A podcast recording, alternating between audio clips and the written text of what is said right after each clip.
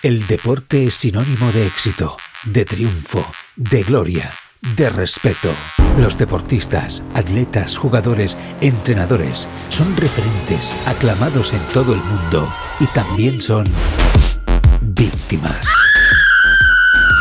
Tribuna Marca con Joan Prats y el podcast Crímenes Ibéricos de Apcas.com presentan Crímenes Deportivos, el podcast que te narra las muertes y asesinatos de deportistas de todos los tiempos. Escucha Crímenes Deportivos en tu plataforma preferida de podcasting.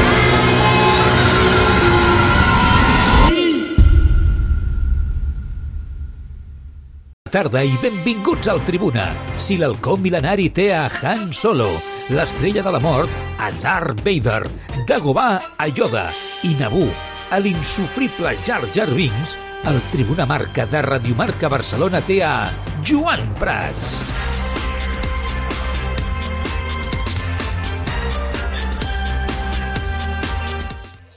Què tal, com esteu? Molt bona tarda. Benvinguts un dia més al Tribuna Marca. Aquí estem. El Manchester United pregunta per Ansu Fati i el Barça s'ho pensa. Ho avancen avui els eh, companys del diari Sport. El conjunt anglès ha preguntat per la situació d'Ansu Fati al Futbol Club Barcelona i ha manifestat que, si està al mercat, estan disposats a fer una important oferta per fitxar-lo el proper estiu. De moment, el Barça, la resposta ha estat negativa, però que l'estiu, un cop es valori la seva temporada, potser sí que es pot parlar sobre una sortida. La realitat és que el club tenen posades moltes esperances en Anso encara a dia d'avui, però el jugador no acaba de tornar al nivell que tenia abans de les lesions. Ha passat de ser la gran esperança del futur blaugrana, el més eh, que possible substitut de Messi, a convertir-se en un jugador que genera dubtes cada cop que juga i amb un interrogant gegant sobre el seu futur. A més, la situació actual no agrada a Ansu Fati i també al seu entorn, que esperaven que Xavi li donés molta més continuïtat,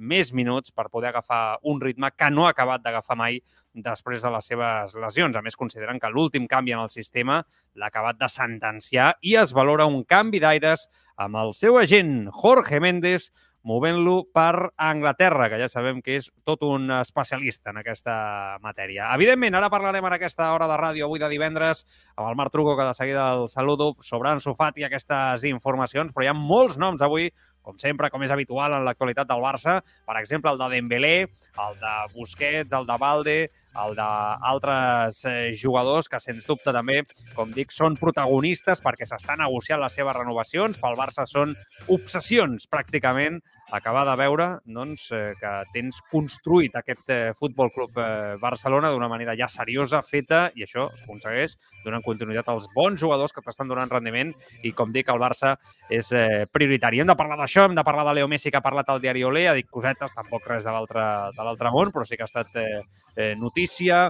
d'aquest brasiler que, que sona de 17 anys i que hem parlat ja en diferents ocasions d'ell, que el Barça sembla que, sé, que anirà per ell 100% a l'estiu. Vitor Roque, el Barça juga el divent, diumenge perdó, davant del Sevilla, partit important per seguir amb la, amb la ratxa. Bueno, moltes coses a sobre de la taula. Marc, què tal? Bona tarda, com estàs?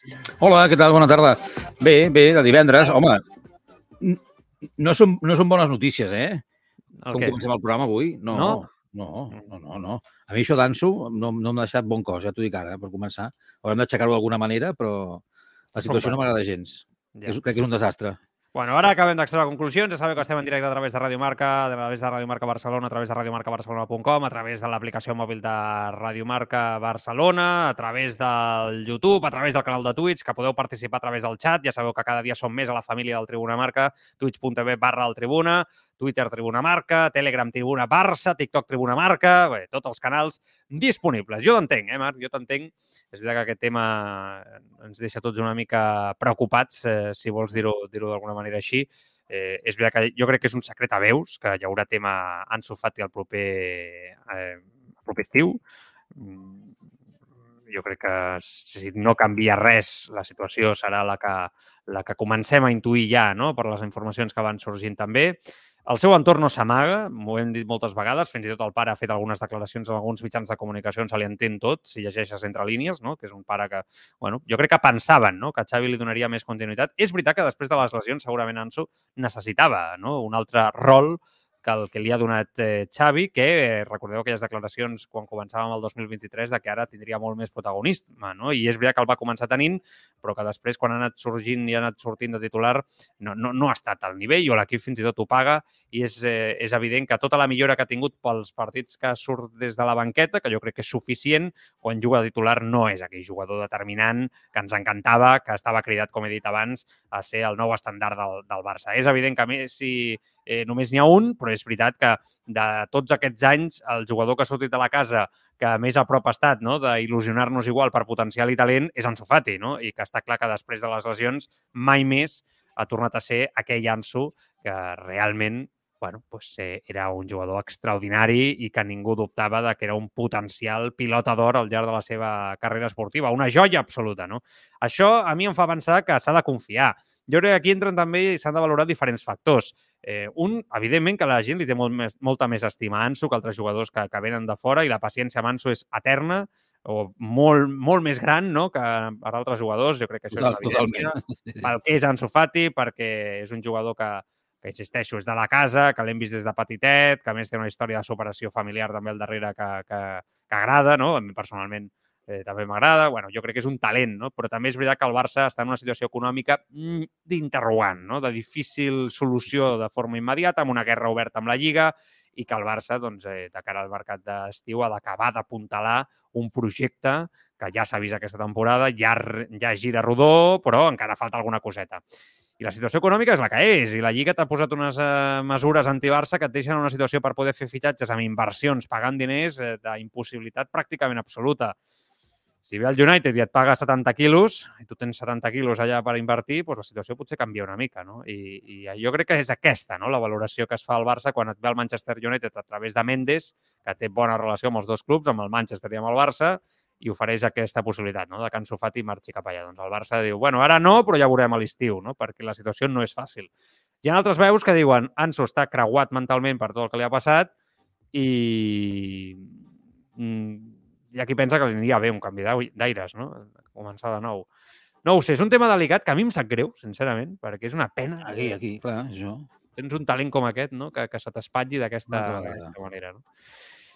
No sé, veurem. És que jo, ho entenc, jo eh, també, que, que estigui al mercat o que hi hagi, hi hagi converses al respecte i que la gent dubti del seu futur, ho entenc, eh, Marc?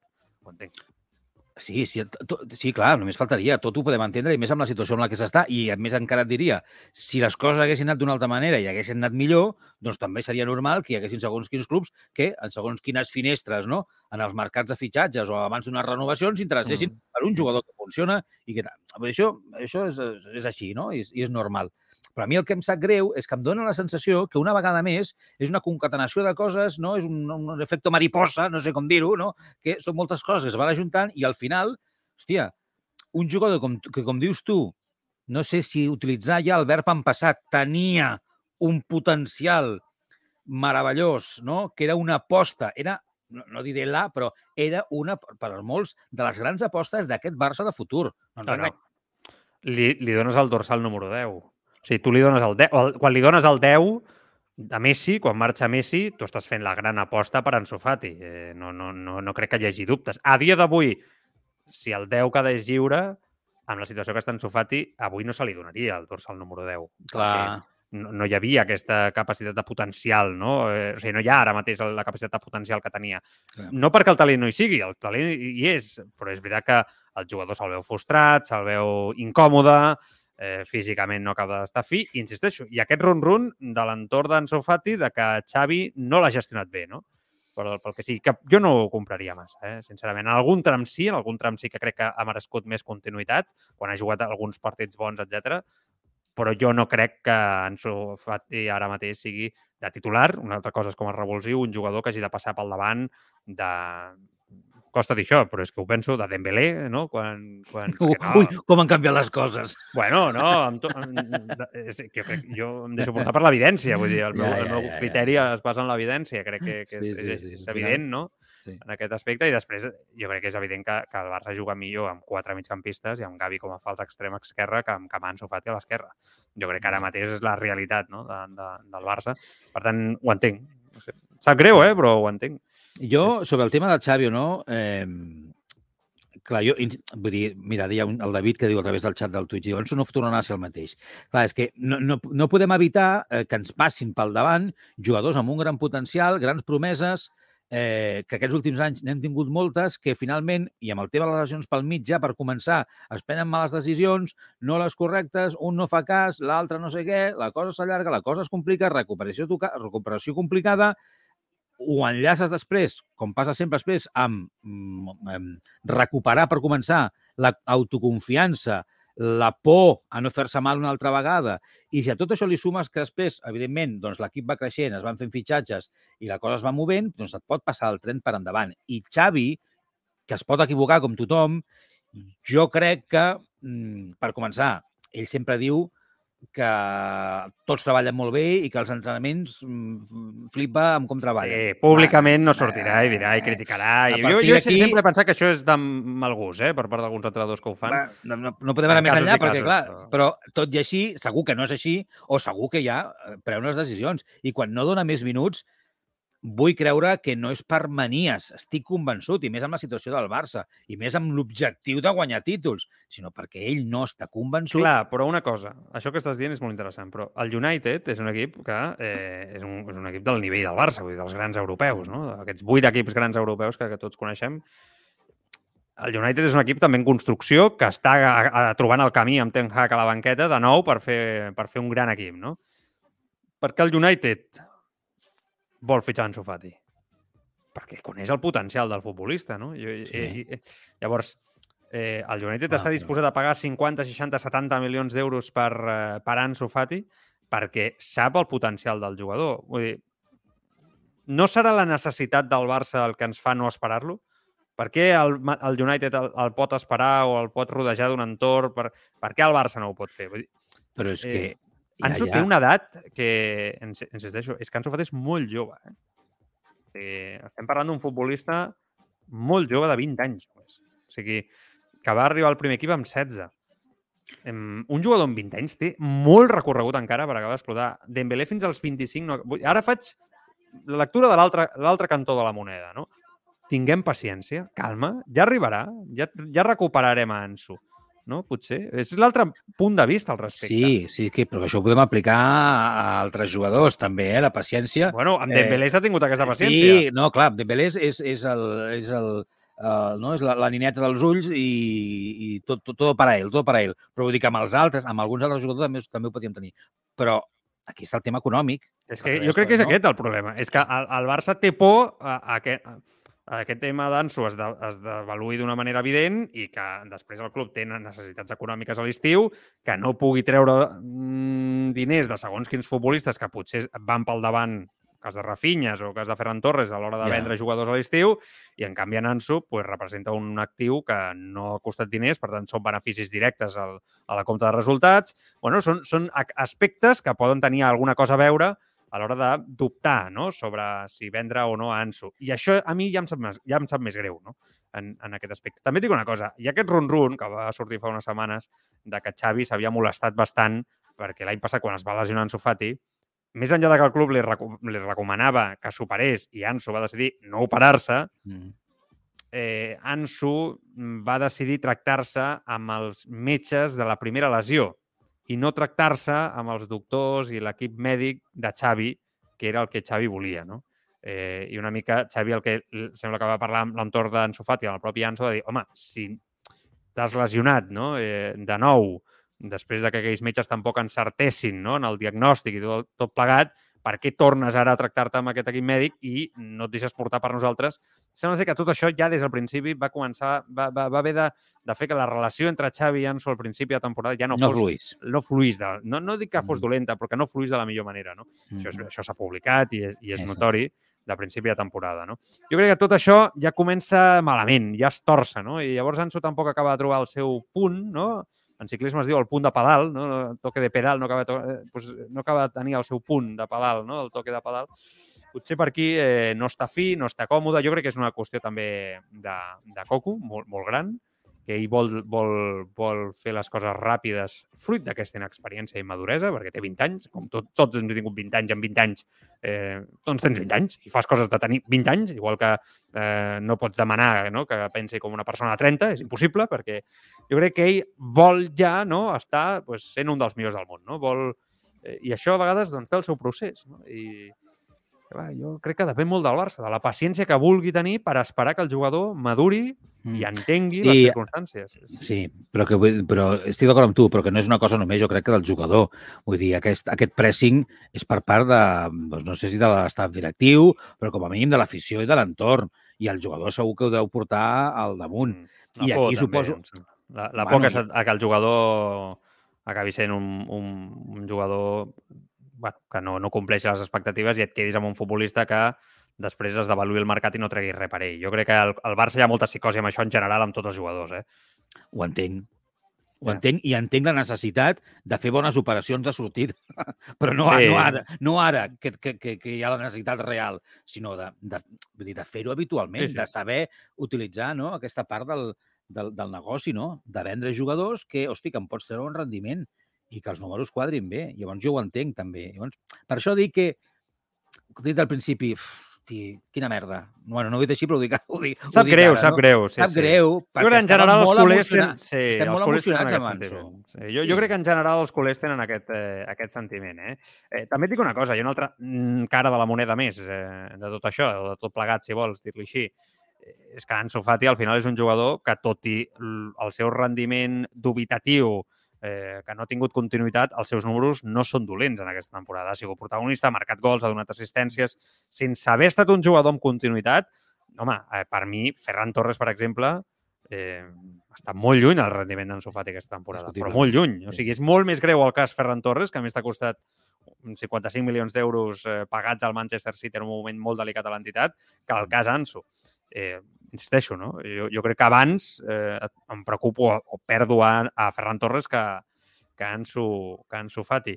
No ho sé, no ho sé. Eh, Ferran Torres sabem que ha estat tractats pels psicòlegs de, del, del club. Eh, ell mateix ho va demanar no? per una crisi de confiança no? i per una pressió desmesurada. bueno, pues, Ansu potser també li aniria bé, no? en aquest sentit, eh, rebre tota ajuda eh, en aquest sentit per recuperar-lo, no? que jo crec que ha de ser l'objectiu. Sap greu, la veritat, és una situació complicada. Faria molt de mal, eh, posant-nos ja en el pitjor, que el Barça el vengués per 60 milions, per dir una xifra, 70, no sé, el que fos, i que Ansu comencés a enxufar gols eh, al Manchester United, se sortís, no? i veure'l triomfar a la Premier. La, podria, mm. A la mm. Premier, si està bé, Ansu és un jugador que, vaja... És que a vegades... Ja, però és que ja, ja, però saps què passa? Que ara estava pensant, estava, estava pensant... Eh, eh, els jugadors joves, i més de, des de la, suposo que tots els clubs els deu passar el mateix, però des de la perspectiva del Barça i venint no, de, de la situació mm. terrible de la que hem vingut, de la que hem vingut no, els últims anys, eh, clar, quan arriben i destaquen jugadors sí. joves no, del club amb un grandíssim i enorme potencial, és normal mm. que tots ens flipem i els, i els veiem ja com els superherois que voldríem que fossin, no?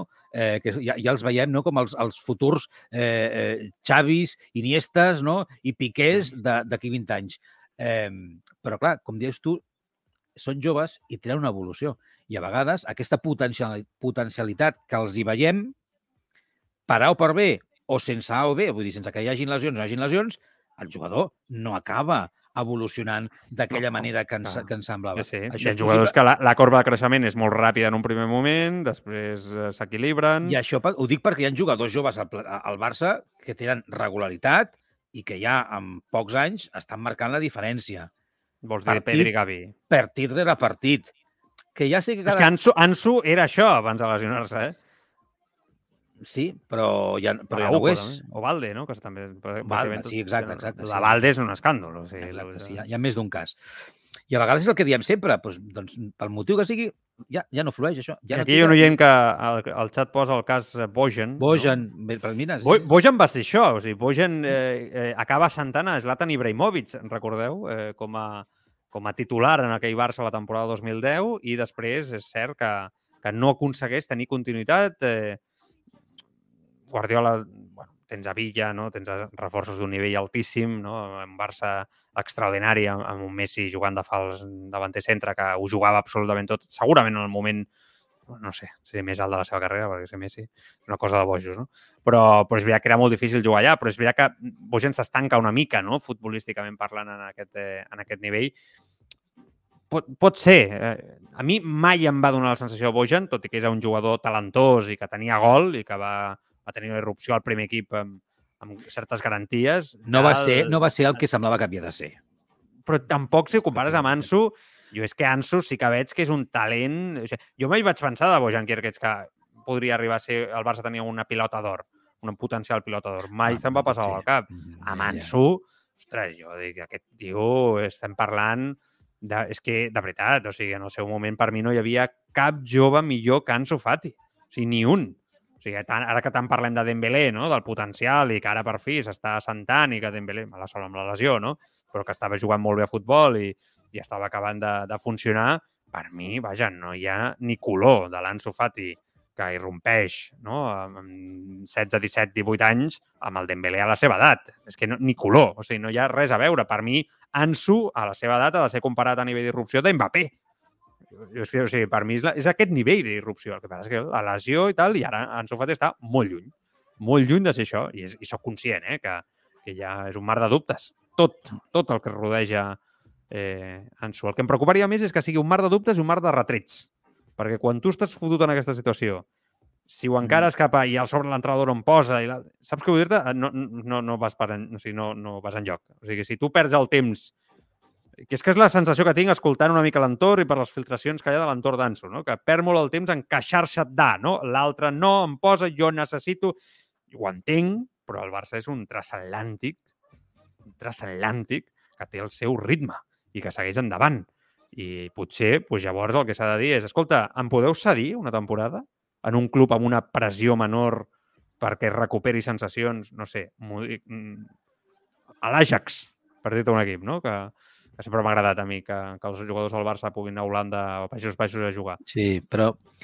No, no, que recuperi que... sensacions, no sé, eh? Sí. Per... Avui llegia el, el, el davanter, no recordo el nom, que és el pitxitxi de la Lliga Francesa, que era el davanter de l'Arsenal, que Arteta amb 19 anys, li va dir, escolta, necessites formar-te com a home. Ets boníssim, però necessites formar-te com a home. I el, el tio es veu que és Arteta, gran entrenador, eh? o sigui, a tots els nivells, eh? m'encanta, ja ho saps. Però, i el tio flipant, no? Necessito que te'n vagis a l'estranger per viure una vida adulta, no? independent, que t'hagis a buscar la vida i que creixis en la maduresa, perquè això et farà tornar aquí. S'ha bueno, anat a l'estat de, de Rennes, crec que és, eh, el tio porta no, Pichichi de la Lliga Francesa al davant d'Mbappé, s'està sortint i, i explicava en una entrevista que diu, el mejor consejo me han dado en la vida, nunca. O sea, en un año no tengo nada que ver. Era un niño al lado de mis papás, protegido, ara estic aquí, m'he buscat la vida... Vull dir, a vegades aquests passos s'han de valorar d'aquesta manera. Potser Ansu necessita fer aquest pas. És que el que et anava a dir, escoltant-te, i passa moltes vegades en l'entorn del Barça, amb aquest perfil de jugador, eh, eh, que jo crec que, és, que hi, ha un, hi ha un problema potser d'humilitat. No sé si del propi jugador, de l'entorn, unes necessitats econòmiques, no? Creus que hi ha eh, falta d'humilitat d'Anso? No, dic que a vegades poden passar aquestes no. coses. És a dir, és a dir, arribar a prendre aquesta... Vull dir, estan jugant al Barça, ens entenem. Ja. Estàs, estàs a primeríssima, primeríssima, no, no, primeríssima clar. divisió. No és el lloc per on... És que quan treballes en una empresa i tu necessites un procés de formació eh, per un càrrec o una manera, i, i l'empresa no, no te'l pot donar perquè l'empresa va a un altre nivell. Hi ha empreses on tu pots formar-te més i en altres on has d'anar ja a resultats. Això, saps què vull dir-te? El Barça és els resultats. No és, doncs sí. és això. És això. Doncs sí. Llavors, una ser suficientment humil per dir, veure, està clar que això ara no, és, és, és, no, no té sortida, és un carreró sense sortida, per aquí no, això no fluirà, no funcionarà, mm. i el que necessito, deixa't estar del, no, del, d'allò que enlluerna del teu entorn, no? El que necessito, perquè vull ser jugador de futbol i guanyar-me la vida amb això i passar-m'ho bé amb això, i ara no m'ho mm. estic passant bé, segur, perquè segurament és així. No, no, sí, són, només cal veure la seva expressivitat al camp, no? Que no, no és feliç quan juga. Sí, sí, jo crec que és molt evident. Bueno, anem a llegir missatges. Va, sí. anem a llegir missatges amb aquest tema. Ja no em fotem al canal de, de Twitch, algun de YouTube també, que he vist, eh, vist per aquí, eh, twitch.tv barra, barra el Tribuna, i a partir d'aquí doncs, eh, seguim amb més temes que hi ha més noms a, a posar sobre la taula en aquesta tarda de divendres. Marc, què diu la gent? Va, som-hi. Doncs, mira, per començar, el Palala 777 que deia si no canvia la situació, sinceramente creo que la mejor opción para todos, club y jugador, es una salida, quedarse solo le hará daño. Venga, la primera en la frente, al Tugromi que deia, y espérate que no será el único, ¿eh? la, abre la puerta, vayan saliendo, vayan saliendo. Tugromi, digo, el tema es que vender a Ferran o Rafinha son pérdidas. Has de vender lo que te dé dinero. El tema del money money y que después apuntaba, está claro que es por la pasta y lo intentarán disfrazar. Al David, bueno, 35, deia Jorge Méndez se lleva de maravilla con el United. Després al Palala que tornaba a escribir diu, porque para el Manchester es una apuesta más que si sale perfecto y si no también. En cambio, para nosotros significa bastante más y tiene mucha más presión y unas expectativas bastante más altas que les de Manu. Clar, és que jo abans anava a dir, que, que deies tu, imagina't que ara, hòstia, ens el venem i allà lo peta i triomfa. Sí. És que moltes vegades necessiten si, uns canvis d'aquests perquè... Si surt malament, el United són 70 milions d'euros, que és un club multimilionari que rep eh, molts més milions i en una situació sanejada, no? que el Barça i tot plegat, i bueno, un, un fitxatge més fracassat multimilionari, que a la Premier n'hi ha molts. Pel Barça, eh, clar, un cop molt no? Sigui, acaba triomfant allà i no, no, és, no és el mateix la situació, evidentment, entre els dos clubs, no? Bueno, en fi, ja veurem què passa. Què més? Al IPS 1987 que diu yo creo que el hecho del mal rendimiento de Ferran, Rafinha y Ansu es la dificultad a la hora de gestionar jugadores de tan alto nivel. Yo soy más partidario de tener tres jugadores top arriba, un cuarto de mucho nivel y completarlo con dos canteranos. Creo que eso es más sostenible y más fácil a la hora de repartir minutos. Eh, un missatge del Daniel eh, H, ¿no? Diu, Joan, creo que Ansu no tiene tanta confianza de Xavi porque el Barça ha de ganar sí o sí este año. Ya veis los discursos, no tiene tiempo ni margen bueno, de jugársela. Que dèiem, no? el context que rodeja el Barça en el moment i Ansu, que té la seva pròpia història. No? Dins d'aquesta gran història que és el Barça aquesta temporada, Ansu té la seva pròpia història amb els seus tempos i el Barça pues, segurament no el respecta, que no és culpa de ningú, són les circumstàncies de la vida, no? moltes vegades. A l'IPS 1987, que parlant del tema de la humilitat, deia falta de humilitat quizás seria más el caso de Deulofeu i finalment un missatge, que no sé si era aquest el que volies dir, eh, que ens arribava des del YouTube, diu, del Lluís, del Luis Casares, diu, muchas gracias por informarnos y sobre todo por no vendernos humo. No és el nostre estil. A veure, més noms a sobre de la, de la taula. L'altre nom, potser si voleu del dia, és el d'Ousmane Dembélé, que és l'altra cara de la moneda. No? Avui Mundo Deportivo explica que el Futbol Club Barcelona ha citat el representant del jugador, el famós Moussa Sissoko, per reunir-se les properes setmanes i començar a parlar d'una renovació del francès ja que acaba contracte, recordeu, el 2024. El club creuen que la voluntat per totes les parts implicades és total, que no serà una negociació especialment llarga perquè veuen el francès amb la voluntat de seguir al 100% i que no hi haurà entorn tòxic com a les últimes ocasions. bueno, veurem, veurem. Eh, no ho sé, eh, avui quan estava llegint aquestes informacions he pensat, Mundo Deportivo, no? com acabo de dir, he pensat, bueno, tant de bo aquestes filtracions eh, es compleixin. No? Si el Barça pensa en això, doncs eh, estarem contents de que sigui així, perquè jo confio molt poc en el representant de Dembélé. Mm, sincerament, eh? Ho confio molt poc i no crec que la gent estigui preparada de nou per eh, una nova situació estrambòtica, mediàtica, amb Dembélé, el representant... Crec que uf, eh, pot, pot arribar a ser molt complicat de gestionar en l'entorn Barça i eh, esgotador, que es farà si s'ha de fer, però esgotador ja sabem com és això del futbol. No ho sé. Eh, ha de renovar ja? Home, tenint en compte el nivell que té Dembélé, eh, t'arrisques molt a començar la propera temporada sabent que acaba contracte.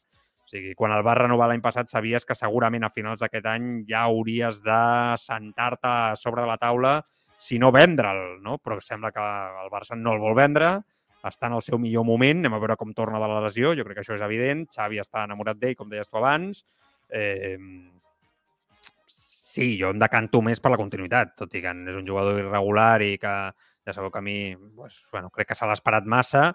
Arribats a aquest punt, avui dia, avui, dia d'avui sí que et diria, Trucó, que, que sí, no? que, que, que segueixi. El que passa és que, clar, a mi em fa por que aquests ara et demanin unes quantitats desorbitades. El Barça ha de baixar gairebé 200 milions d'euros de massa salarial, aquest ha de ser l'objectiu del Barça, com aquest ara et vingui i et demani el doble del que cobra, és que el Barça no li podrà pagar. És que tindràs un sarau aquí muntat. A veure, aquí jo no sé, m'agradaria m'agradaria creure amb aquestes filtracions eh, o aquestes explicacions que apunten... Toxicitat zero. Eh? Res de tòxic, ambient tòxic. Tot, tots amics, companys, ens entendrem Exacte. ràpid. Eh? Exacte, que la relació eh, ha canviat i que la negociació serà un, un, nada, uns cacauets i un cacaulat i ja està fet, ja firmar.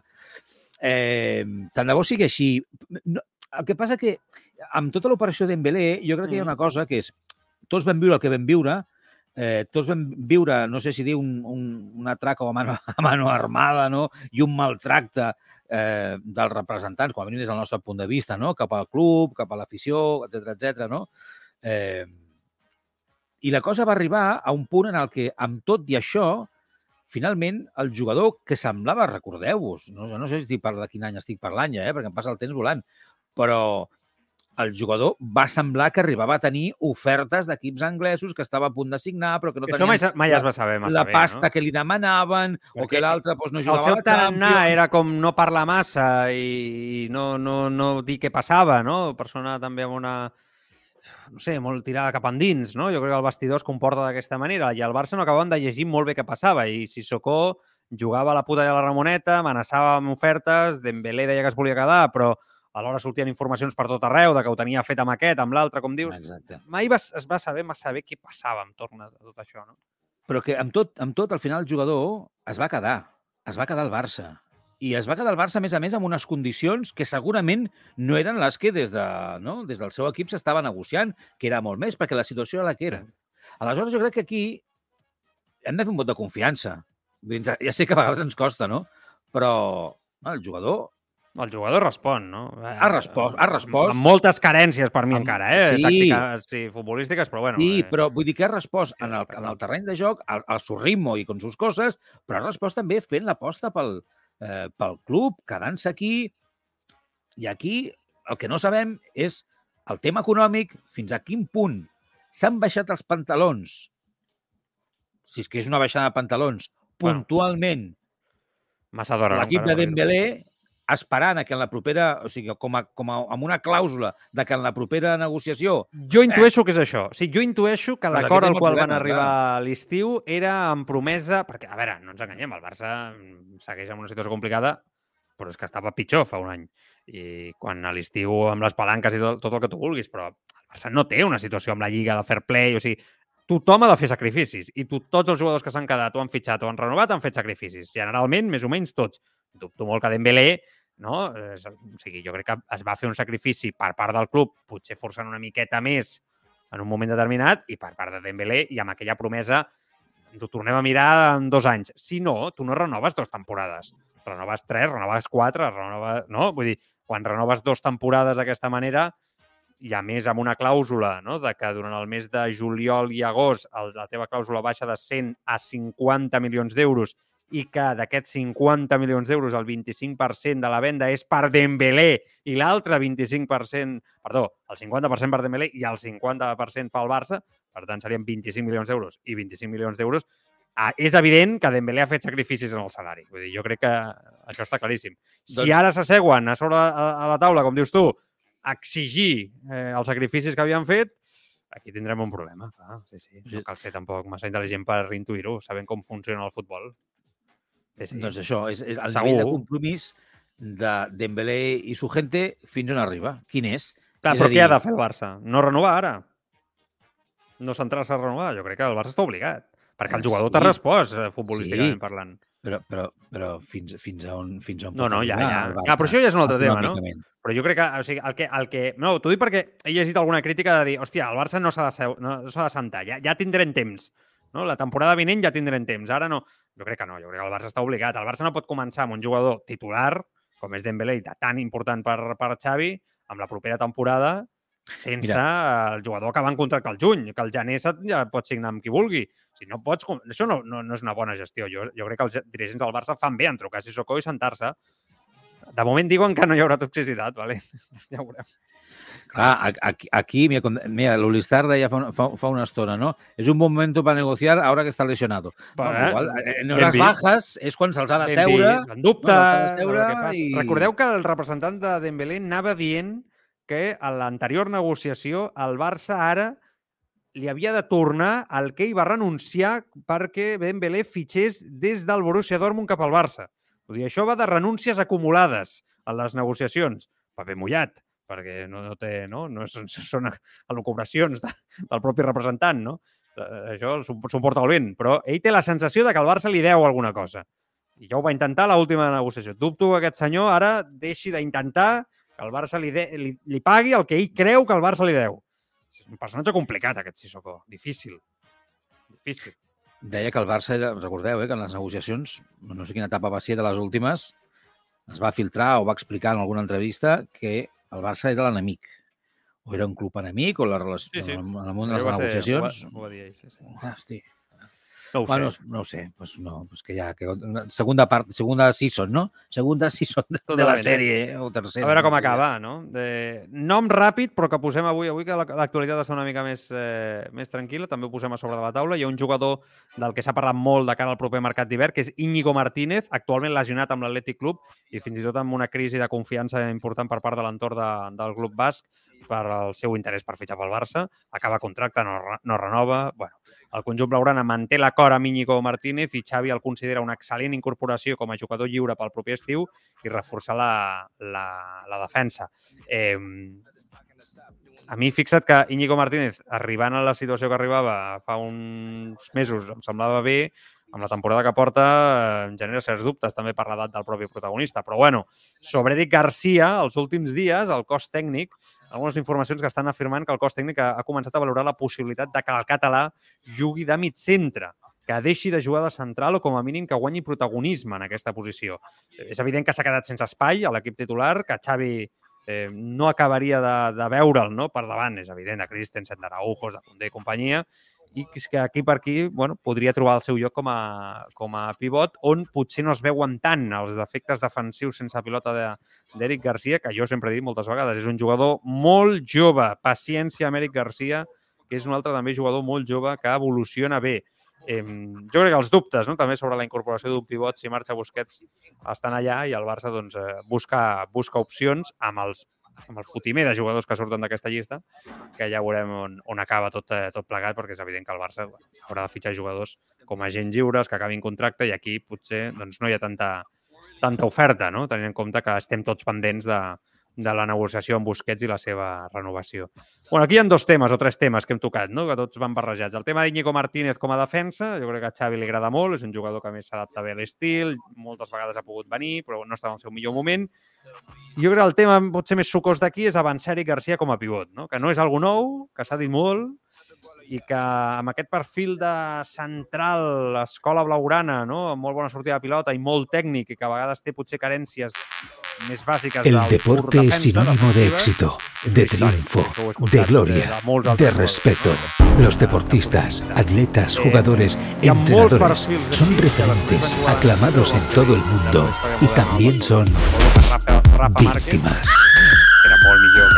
Tribuna Marca con Joan Prats y el podcast Crímenes Ibéricos de Apcas.com presentan Crímenes Deportivos, el podcast que te narra las muertes y asesinatos de deportistas de todos los tiempos. Escucha Crímenes Deportivos en tu plataforma preferida de podcasting.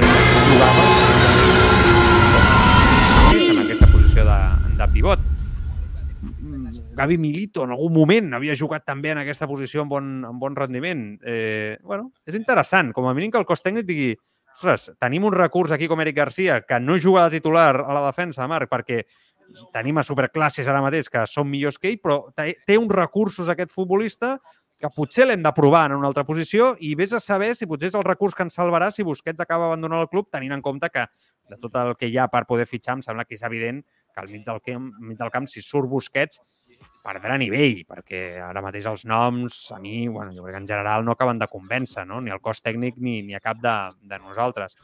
Jo, jo ho provaria. Sí, és la sensació... que em diu que pot sortir bé, això. tant, de, tant de bo. Sí, sí, sí. Estic d'acord amb tu en, en un aspecte, no? I és que, per sort, el Barça Eh, a nivell defensiu, doncs, està, està molt bé, no? Ho, ho hem reclamat i demandat durant molt de temps i, i finalment, no? Sembla que tenim no?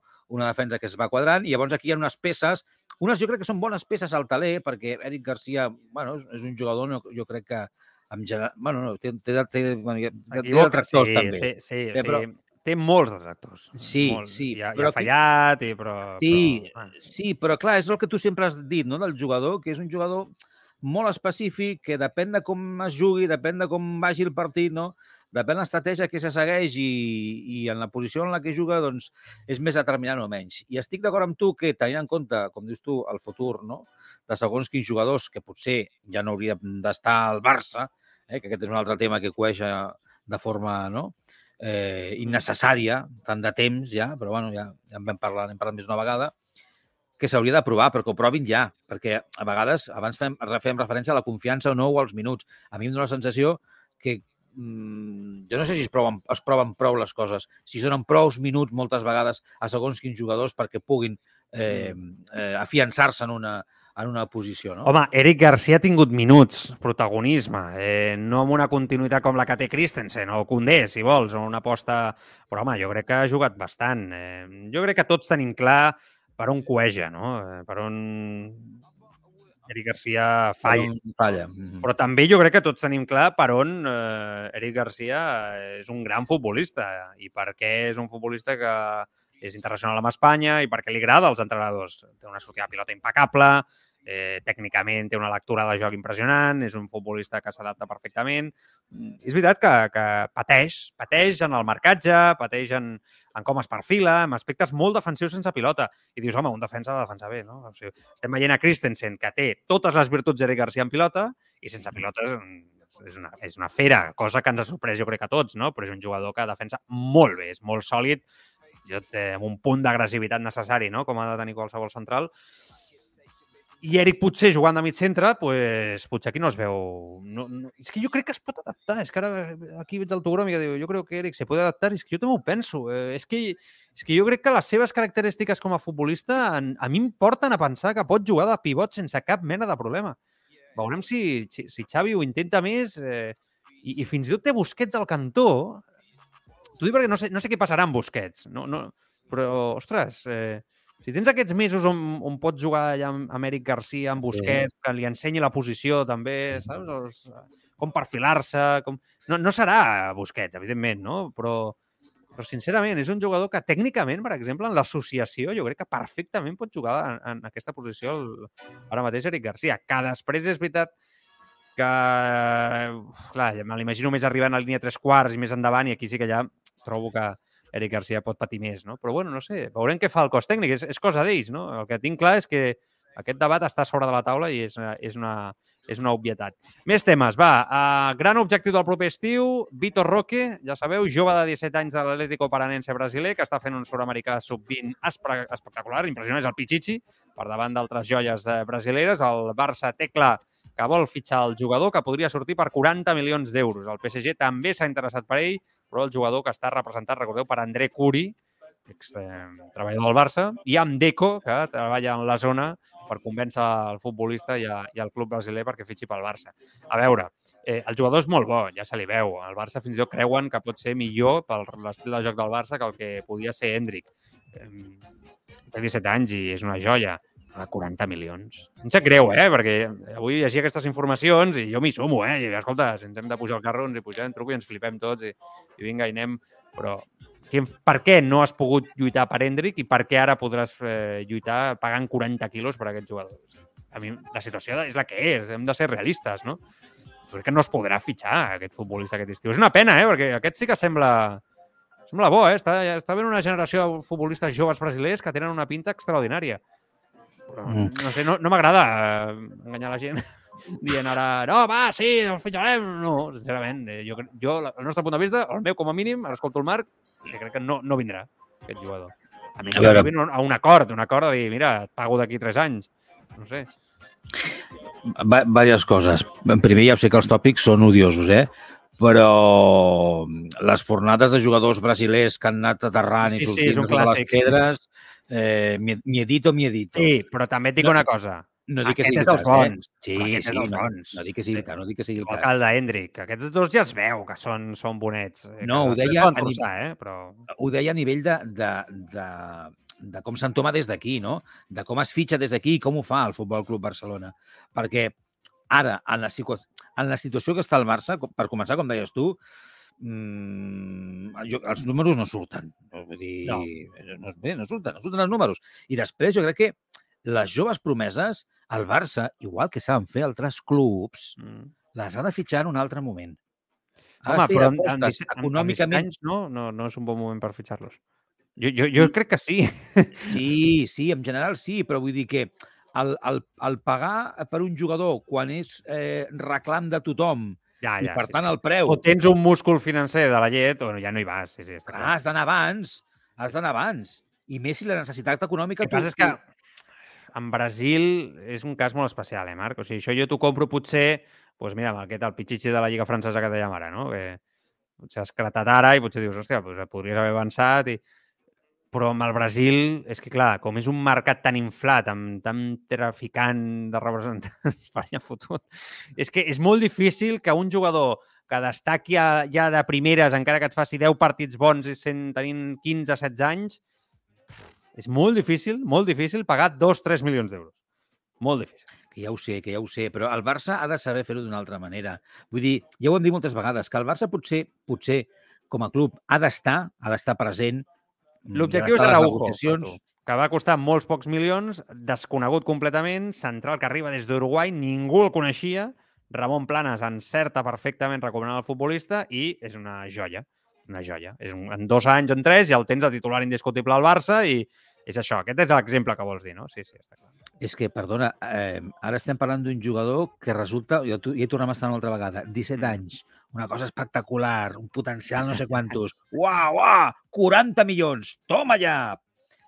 I després arribarà al Barça, no s'adaptarà, no s'incorporarà, no serà de rendiment immediat, es lesionarà, eh, estarà de festa... tindrà el seu temps de, de... Clar, necessitarà el seu temps. Com qualsevol persona de 17 anys. Vull dir, necessitarà el seu temps per seguir madurant com a futbolista, per adaptar-se, per entendre l'entorn i, i el que hem dit amb en Sofati abans a l'inici del programa, vull dir que, que potser doncs, en Dembélé als 25 ha començat a donar mostres no? de regularitat i de ser un jugador sòlid, però ha necessitat anys i anys per fer-se no? en aquest aspecte com a futbolista. Perquè és normal, perquè és que Iniesta i Xavi van trigar més de... A partir dels 25 és quan es van començar a sentar fins i tot una mica més. O sigui que és normal, és normal. Si jo, jo això ho compro i ho entenc eh, perfectament. Si, Eh, com el que tu... passa és que com sigui... el- La por és que sigui el gran crac. Que s'ha que Ah, sigui- mira, que- escolta'm. Aquesta és la por. Mira, Aquesta els- por és la que tenen els grans equips. Perquè després, ara ja no és com abans, fitxar-los quan ja són cracs mundials, ja no és com abans. El Barça i el Madrid ja no tenen aquest potencial i ja no es mouen al mercat amb la mateixa capacitat per poder anar i m'emporto Mbappé, m'emporto Haaland, m'emporto el... que sé, el que sigui. Ja no és com abans. Sí, Llavors, però- això és...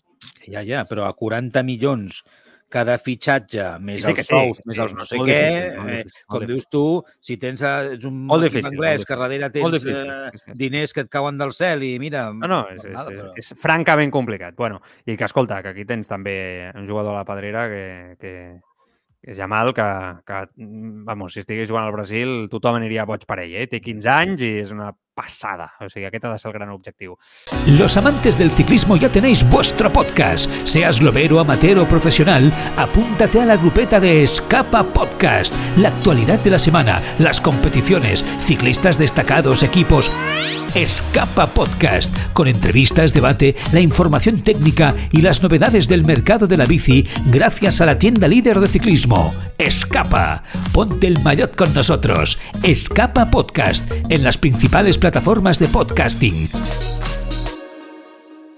Dades. Eh, Xavi va agafar Koeman en partits dirigits amb el Barça, total de 67, 43 victòries, 12 empats, 12 derrotes, amb un total de 131 gols a favor, 66 en contra. Koeman va aconseguir en els mateixos partits 39 victòries, 12 empats, 16 derrotes amb 138 gols a favor i 75 en contra. Per tant, curiosament, en els mateixos partits, Koeman va, amb Koeman es van marcar més gols Eh? És una evidència, tenies a Messi, jo crec que aquest és el factor clau i diferencial al respecte. Eh, ara encaixes menys gols que en els mateixos partits, és evident que, que, bueno, que a nivell de victòries, 43 victòries, 39 en el cas de, de Koeman, 12 empats, 12, 12 empats també i 16 derrotes, per tant es va perdre més amb Koeman, però tot això amb, amb, amb Messi. Bueno, cadascú que es tregui les seves pròpies conclusions al, al respecte.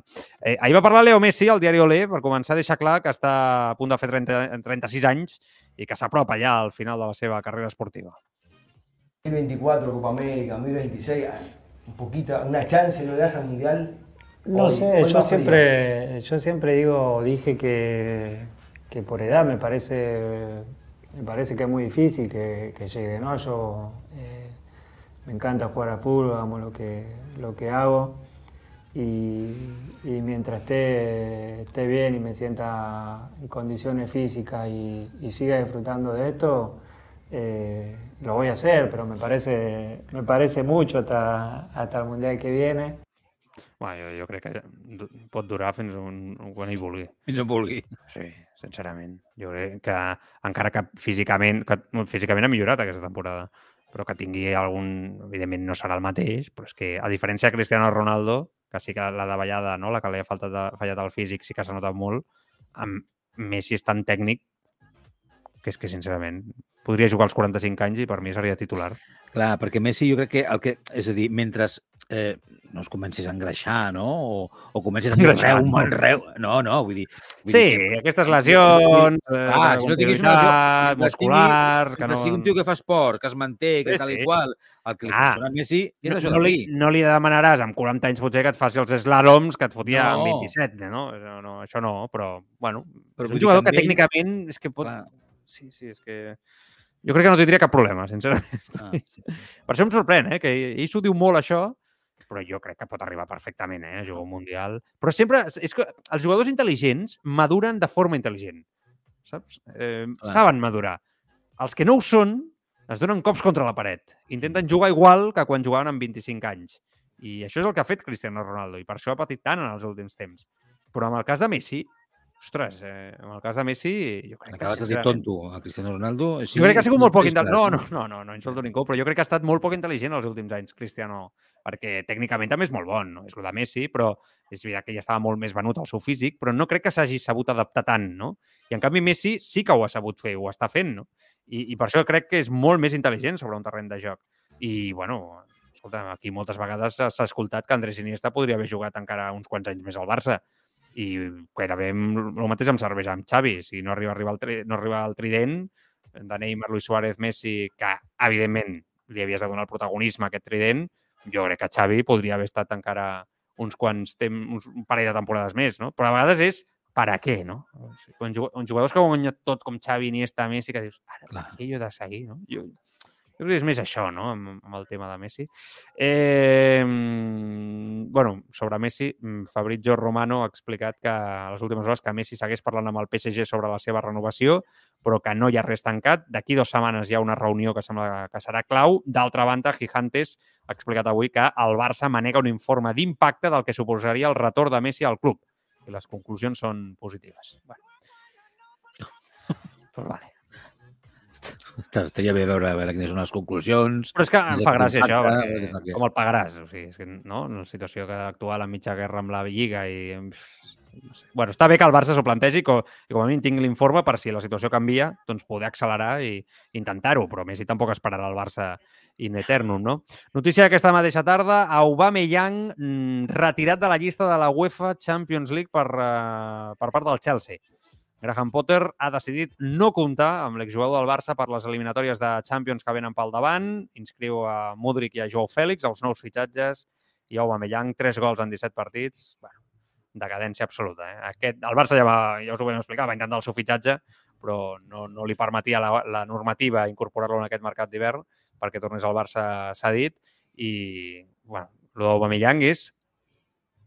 Em sap greu, eh? Perquè estava la mar de content aquí al Barça, funcionava, eh, ell fins i tot s'anava a quedar amb el rol per darrere de Lewandowski sense problemes, no? I, i ha, ha sigut anar al Chelsea i s'ha acabat destruint tot. O sigui, el Sí. futbolista... Dubto que torni a ser el mateix, eh? És una certa edat ja i, i, i cert run-run de jugador problemàtic, no? Allà a Anglaterra, després de l'etapa a l'Arsenal i ara al Chelsea. És possible, és possible. Jo crec que és, ha estat... Mm, ha estat negatiu pel Barça, una altra cosa és la necessitat i, i mira, i fer quadrar els números i fer quadrar el vestidor d'alguna manera, però va ser molt bona decisió i, i no tothom hi creia. I no, tothom hi creia no, jo, jo no hi creia. No, no, perquè jo, jo coneixia aquest Aubameyang que estem veient aquest any, no? per, això no, per això no hi creia. Va ser una bona decisió i es va, el que dèiem abans, no? que potser un altre jugador, se'n va un altre equip i, mm, hòstia, canvien les coses mentalment, canvi de xip, canvi de, de lloc, d'espai, de gent i la cosa funciona. Amb Aubameyang va passar aquí i la seva sortida ha estat per tornar a lo negativo. En fi, veurem. Aquesta tarda la Lliga, que són uns catxondos, eh, Tebas i companyia, han eh, sorprès amb un sí. missatge a les xarxes socials. Eh, Hola, México, marzo de 2023, save the date, eh, próximamente, Barça-Madrid en Ciutat de México, el partit del Camp Nou, eh? eh durant uns minuts hem flipat, hem dit, el senyor Tebas acaba de portar-se el clàssic a Ciutat de México, a hores intempestives, i es veu que Després han dit que es tracta d'una party, li, li han dit, eh, no sé com li diuen, watch party. Eh? Bàsicament, bàsicament posen una pantalla gegant i, i veuen tots junts el partit allà i es veu el partidet i la Lliga pues, fa una acció de màrqueting que em sembla el més normal del món, però mm, durant, insisteixo, 40 i pico minuts llargs hem, hem estat amb això, amb aquest missatge, truco, eh? que us acabo de llegir. El clàssico en Ciutat de México. Sí, sí, sí. A mi també quan he arribat a la ràdio me l'han ensenyat com dient Ai, mira, mira, mira això. És que jo... Els hi va, els hi va, els hi va, els hi va. Eh? I a Tebas li va. Eh? Ei, que no, no ens hagués sorprès a ningú, no? Clar. Que s'emportés el... Clar, jo, no, no, és que donat, ah. hi, ha un ullent, un ullent que diu los socios sin derbi, no? sin clàssico en casa. Clar, clar, és que sí. aquest, aquest era el cabreig no? De, dels aficionats que deien, però bueno, però ara els aficionats del Barça ens quedarem sense clàssic bueno, finalment, ja us dic que ho han aclarit i que és un, posaran una, una pantalla no? gegant allà a Ciutat de México i perquè tothom vagi a veure, però el partit es disputarà al Camp Nou, per tant no hem de patir, ens hem emportat un ensurt de la pròpia competició, que ja veieu com està portada la pròpia competició, no? Eh, amb un nivell de gestió enorme i, impressionant. Vols afegir alguna sí, cosa? No, que a nivell, l'altre dia en parlàvem també, no? A nivell de comunicació, igual ah. no, els hi fallen coses. Però si és que només cal veure que el seu president és un tuitero, és un... És un és, no? Es, es baralla amb gent a, a Twitter, no, no, ningú el controla... És que no... Comunicativament la Lliga treballa, per mi, molt malament. Molt malament, molt malament. Sí. És que, és que, però ells, escolta, eh, eh, el missatge és que som els millors, ho fem sí. tot perfecte, eh, eh, bueno, no fas parlar, perquè aquí potser impliquem també el, alguns aspectes professionals i que seria desagradable, però, però bueno, que ho, ho volen tenir tot molt controlat, ja se m'entén. I, bueno, en fi, hauries de controlar potser més a la casa teva abans de donar lliçons a, a casa dels altres, no? No, però perdona, però si és que el teva està donant lliçons tot el dia. No, no, no, no és, és, és, és, és lamentable. És que torno a insistir, és que el president de la Lliga públicament dona lliçons sobre què ha de fer o ha de deixar de fer o com s'ha de recollir, com s'ha de pujar els pantalons, un dels seus principals equips, no, no, no. de la Lliga. No, no, el que ho aguanta, juntament amb el Madrid, vull dir, perquè tot el respecte per la resta d'equips, però sense aquests dos la Lliga no existiria, vull dir, tinguem-ho clar, o no seria el que és ara, no? Eh, que a vegades hi ha molta gent que li molesta aquesta afirmació, bueno, escolta, respecto que us molesti, però eh, és la realitat. Sense Barça i Madrid això no s'aguantaria, aquest invent no s'aguantaria, seria un altre invent, un altre tipus d'invent, una altra lliga, un altre nivell a diferència d'altres competicions com la Premier, que sí que és més coral, no? entre 6-7 equips que tenen una, un nivell enorme, altíssim, aquí mmm, és Barça-Madrid el que ven i és el que aguanta el tinglado. Mm. Bueno, hem d'anar marxant, però de la Fuente a l'Hormiguero l'altre dia, amb, Ai. Com es diu el presentador aquest? El, el... el Pablo Motos. Pablo Motos, aquest, que saps que a mi m'agrada molt. M'encanta. Eh? Sí, no, escolta, eh, a gustos colores, a gustos colores. Sí, eh? i tant, i tant. Hi ha presentadors que t'agraden més, jo agradaré més a un, a l'altre no li agradaré, tu li agradaràs més a l'altre. Ah, sí, a, a mi, el Pablo Motos aquest no m'entusiasma, eh? a l'hora de portar el ritme d'un programa, el programa en si. Bueno, gustos colores, ho dic sí, perquè sí, això sí. ho hem parlat al Marc i jo en, en privat moltes vegades, no? Sí. I per això he sortit. Bueno, de la no, Fuente... A mi tampoc és que m'apassioni massa. Eh? Tampoc t'apassiona, eh? Vale, vale. No, fàcilment. Bueno, eh, de la Fuente Valor Miguero, que dius, ok, forma part d'aquesta estratègia de neteja d'imatge de la figura del seleccionador per part de la federació que compra el discurs anti-Luis Enrique de, de fa un temps, no? I de neteja d'imatge perquè bueno, sembla que volen sortir no? ràpidament de, de, de la influència de Luis Enrique des de fa mesos. Com a mínim jo sí. és el que intu, intueixo, no? Sí, sí. Pablo Motos em sembla que els del xat tampoc els acaba de, de començar massa, pel que, pel que estic veient. Bueno, eh, moment del programa on surten els eh, aquests, no? Eh, com, no són Puccinellis, no? Com, com són? Les, les formigues. Les formigues, això. Les sí, formigues, són marionetes. Marionetes, sí. exacte. Pucci, Bueno. Pucci, li vols dir Puccinelli? Puccinelli. Puccinellis, no? Exacte. Sí, sí. Bueno, eh, i es comencen a riure de Xavi, de Guardiola, tal, i el seleccionador, pues, eh, bueno, amb aquest to, no?, de, de... No sé, que jo crec... És que no em vull escalfar perquè, eh, sincerament, aquest tema em va, ja en el seu dia, ja em vaig escalfar molt i ja em va portar més d'un disgust, més d'una tertúlia. Però, però bueno, jo crec que aquest senyor, eh, de veritat, per mi li falta molta personalitat per, uh, pel càrrec. Eh, jo crec que no és la persona. Després, Mhm. tàcticament, serà boníssim i tal, però no només ha de ser bo entrenant, sinó tot el que rodeja no, la situació de la selecció. L'escoltem i ho comentem. Has elegido ya un look de entrenador en plan chándal estilo Luis Aragonés, rollo modernito elegante como Guardiola, traje formal estilo Ancelotti, vestir mal como Xavi. Mm, ¿Has, has elegido alguno ya? El rodalón como Camacho. El, el rodalón se lleva, ¿eh? ¿Tienes ya un poco el estilo determinado? ¿Cuál es tu plan? Me preguntas cuál va a ser mi look. Sí, Sí. a la hora de entrenar, claro. Em fa una mica de vergonya aliena, eh, el seleccionador espanyol actualment. Eh, que ja porta bastantes relliscades, eh, suport a, a, a associacions eh, a favor de dels braus, no? Eh, Sí, sí, sí. sí. eh, porta bastantes relliscades, alguna... alguna o sigui, eh, eh, aquest discurs de quedar bien amb tothom, no? Eh, és que a mi, a mi m'agrada la gent... No, no és que devien amb tothom, és que devien amb alguns. No, però és que queda bien amb tothom. Eh. És no, l'estilo, los- l'estil, no? Però Sí. eh, los canvios... O sigui, aquesta sensació de, en el seu discurs constant de, de, de voler contentar a, a, a un entorn, que és el de la selecció, no, el de la selecció, que és el del Real Madrid. Vull dir que no, no passa res. Pues per això et dic que no tothom. evidència, que vull dir, no-.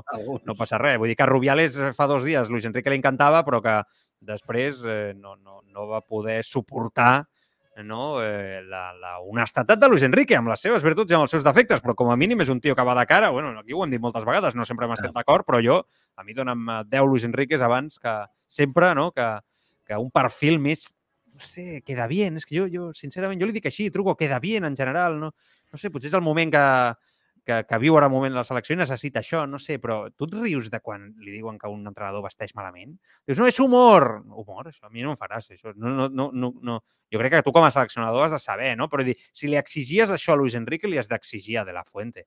O sigui, el que, si tu a Luis Enrique li exigies analitzar-li al mínim detall no? i et llançaves a sobre, eh, siguin periodistes, opinadors, eh, per tot el que deia en moments determinats, a les rodes de premsa, per com contestava, que no sempre estava afortunat. Nosaltres també ho criticàvem i ho critiquem si fa, si fa falta, no tenim cap mena de problema, però si el nivell d'exigència era aquest, home, doncs amb el seleccionador actual, eh, què passa? Que té un altre tarannà i, i, i si- potser no té un, un to tan, no sé, xaupalante, digue-li com vulguis, i, i, però es fica amb un entrenador amb la manera de vestir que és la d'entrenador del Barça i fins i tot en Guardiola per allà i ens riem. I aquí no passa res. Bueno, per a mi, doncs jo crec que, que aquí no està afortunat, sincerament t'ho dic. No durarà mai, se- se'l menjarà l'entorn de la selecció. Perquè Jo- jo... els, els que han triomfat a la selecció són persones que, que tenen caràcter, però no xaupalantes, eh? perquè ja et deixo parlar, eh? és que me'n- m'encenc, ho sento. Eh, del Bosque tenia un altre tarannà, però una persona amb molta personalitat, amb un to baix, però amb molta personalitat. Saps què vull dir-te? Sabia manegar perfectament i sabia on anava. Sabia manegar els entorns eh, perfectament, no? I no sé, bueno, veurem. Eh, una cosa primer, eh? eh no, no he entès la, la, el GAC. No, sé, no, no, el sé gag és horrible. Sí, sí, estic Però vull dir. Xavi vesteix malament? No, Vull dir, Per mi no. això, que a les xarxes se'n parla No, no, algun però és, que... és la broma perquè és l'entrenador del Barça. Ja està. Ah, sí, ja està, és per això. Ja està, és, és, sí. És, Ah, bueno, es, partim de la base que és una broma de merda, no? Eh, perquè estàs un atac, Caca, culo, pedo, pis. estàs un atac gratuït que no té cap mena de sentit, Totalment. no? I a més a més, molt simple i poc intel·ligent. Eh, això ja diu poc de qui la fa. Però com estic d'acord amb tu, que aquest senyor, que no tinc res en contra d'ell, que potser professionalment a nivell esportiu té molt de mèrit i sap fer molt bé la seva feina, no, no, això ja, ho dubto. ja ho veurem. Ara ho ha de estic demostrar. amb... Ah, clar, exacte. Que no estic tinc dubtes tampoc que convocarà Sergio Ramos, convocarà a l'altre. O sigui, tots els que a Luis Però- Enrique se'l- se'ls va criticar perquè no anaven, no us preocupeu que aquest els convocarà. No tingueu dubtes. Però és el seleccionador. escrit, Pot, això. pot convocar... Ell ha de fer un equip que guanyi. No? Sí, I sí. aleshores que convoqui aquí... Sí, que aquí- guanyi, sobretot, eh? Sobretot tu ho has dit, que guanyi per sobre del joc. El joc és igual, ja no importa. O sigui, el joc, o sigui, el, tu ja ho has dit bé, que guanyi, sobretot, i la fúria, i un joc més directe. Com, com traiem la pilota des del darrere tocada, vaja, Clar. no, no, Clar. sí, sí. El Estil que Barça, que- no. El que passa que aquest senyor, si, fa un, si construeix un equip que juga bé però no guanya, potser no el critiquen igual. Ja veurem. Aquesta és una altra cosa. Eh, I estic d'acord amb tu que és, és un que no, vull falt, no és per faltar el respecte, eh? però és, Controla't, que ets perillós. és un... No, és un, és un descol·locat. El, el, saps quan veus una persona que està en un lloc que no hauria de ser-hi, Sí, que li va gran? jo també, sí, sí. És, és això. Sí, jo també tinc aquesta sensació de la Fuente. És això. Tinc la sensació de, de que... Sí, és, és el que no molestava en aquell moment. El que passava per allà i no molesta. Saps? Eh, sí, sí. Li va... Tant tant de bo ho faci bé, eh? Tant de bo ho faci bé perquè... Bueno, Sí, dic comunicativament, eh? Em Però refereixo com- sí, sí, comunicativament. comunicativament, sí, sí. I, I que a més, eh, la, la, la, el, el, la gestualitat d'aquest vídeo, d'aquesta imatge, els que esteu escoltant per la ràdio, no, evidentment no podeu no ho heu vist, però a través de les plataformes sí que l'hem posat en, en imatge. Eh, la gestualitat és, és d'una persona que riu perquè, perquè queda bé riure. Ara tothom diu que he de riure, doncs jo ric. No, no, escolti, jo, Sí, jo, a més, i, i a més a més, No has de riure. diu exagerat. Clar, és un riure fingit i exagerat, estic Sí, d'acord amb tu. sí, Sí, sí. Sí, sí. Ja va passar bastant en alguna entrevista que li van fer, crec que va ser a la COPE i tal, que també va començar a fer la pilota algun presentador sense cap mena de... i a riures de coses que li deuen. I eren preguntes serioses que ell les interpret... no les va saber interpretar bé i les va interpretar en riure i tothom es va quedar callat i es va començar a riure també d'aquesta manera. Ah, igual, I és tothom- que, igual, és que igual el problema és que és una mica gorqui. És un, no, o és un cachondo. Que, que, ah, bueno, no sé. O que té, o hi ha gent que té problemes de comprensió, però allò, lé- léete home, no. el texto. No, tonto, no té un pèl. No, lo- no lo sí, sí, pillo. sí, però segurament és una bellíssima persona. Sí, jo no dic res. Jo, Sí, el, que no. el que em sembla és que jo crec que no és la persona, eh, eh, no, no futbolísticament, sinó per dominar tot el que representa l'entorn. Fins al març, Espanya no juga. Quan comenci a jugar, ja veurem com, com es eh, gestiona tot això. I que a mi m'hagués agradat que de la Fuente hagués dit, bueno, bueno, oye, pero Xavi viste muy bien, ¿no? Ah. eh, hagués d'allà, pero hombre, es un colega que lo está haciendo muy bien, el líder de la liga, hombre, un saludo para Xavi, que lo, además lo tuve en categorías inferiores, un crack, no sé què, que sé, el que sigui, no? Dir, no, no sé. No m'ha agradat, Que, sincerament. a, Què vols a que més? Sí, no, ja et dic, a mi tampoc, no, perquè, perquè està fora de No. lloc. Està fora de lloc. Llavors la, la seva reacció no és, no és natural, no, està fora de lloc. És, no sé, és, és com si anés begut, no? És, No, home, no et passis, no, tampoc. No, no, no, no, no, ho dic per ell, no ho dic per ell, no dic, que- no dic que vagi begut, no. No, Em no et em- passis, perquè això no és així. Ah, no, que no estic dient que vagi begut, no, t'estic dient que és, és una situació en la que a vegades actuem no, d'una forma com, com exagerada i una cosa mínima la fem grossa. Ah, perquè... Això sí, això sí. És, és una reacció exagerada. Jo també Això. tingut aquesta. Llavors, eh, doncs la Sense respecte cap al Barça, també, d'alguna manera, o a l'entrenador del Futbol Club Barcelona, la persona i el club que representa Xavi, no? Sí, Eh, també. sí, sí. Bueno, missatges, si marxem? Doncs mira, alguns dels últims, no masses, que han arribat aquesta última estona, eh, eh, diuen així, a veure... Eh, mira, em sembla que ens havíem quedat aquí, amb l'Ips 1987, parlant de Dembélé, deia el problema de Dembélé es la continuidad, hace un partidazo y ocho infumables. Eh? Abans, quan parlàvem del tema, el Luis Miguel Alcaide Almecija diu Gaby, Pedri y Araujo. Esos son los que no se pueden escapar. Y sin olvidarnos de Valde y el chico que está en Osasuna. Esos jugadores, son, esos jugadores nos Ape. pueden hacer muy felices en el futuro. Uh -huh. Gràcies, tribuna! Oh. Gràcies a vosaltres per escoltar-nos. Algun més i marxem? Diu, yo lo probaría a ver si vamos a tener aquí el sustituto y no lo sabemos, cuando estaban hablando de l'Eric, ¿no? Y finalmente, al José Mataró, diu, yo creo que no debemos comparar a Xavi más con Kuman. Claramente, ya lo ha, ya lo ha superado. Claramente. Sí, sí. Ai, la cançó, la cançó, la cançó. La cançó, la cançó que a mi ja em cansa, la cançó, eh? L'altre dia vaig eh, sortir a fer unes copes i... i... Tota l'estona la cançoneta? La cançó sona constantment i la gent es revoluciona amb la cançó d'una manera espectacular, eh? No... S'ha de- reconèixer que han sabut fer un èxit Sí, no, no, així està- de, de, de la noche a la mañana. això, això de vendre la teva intimitat sempre, sempre pasta, sempre funciona. No, no, això sempre agrada, no hi ha cap dubte.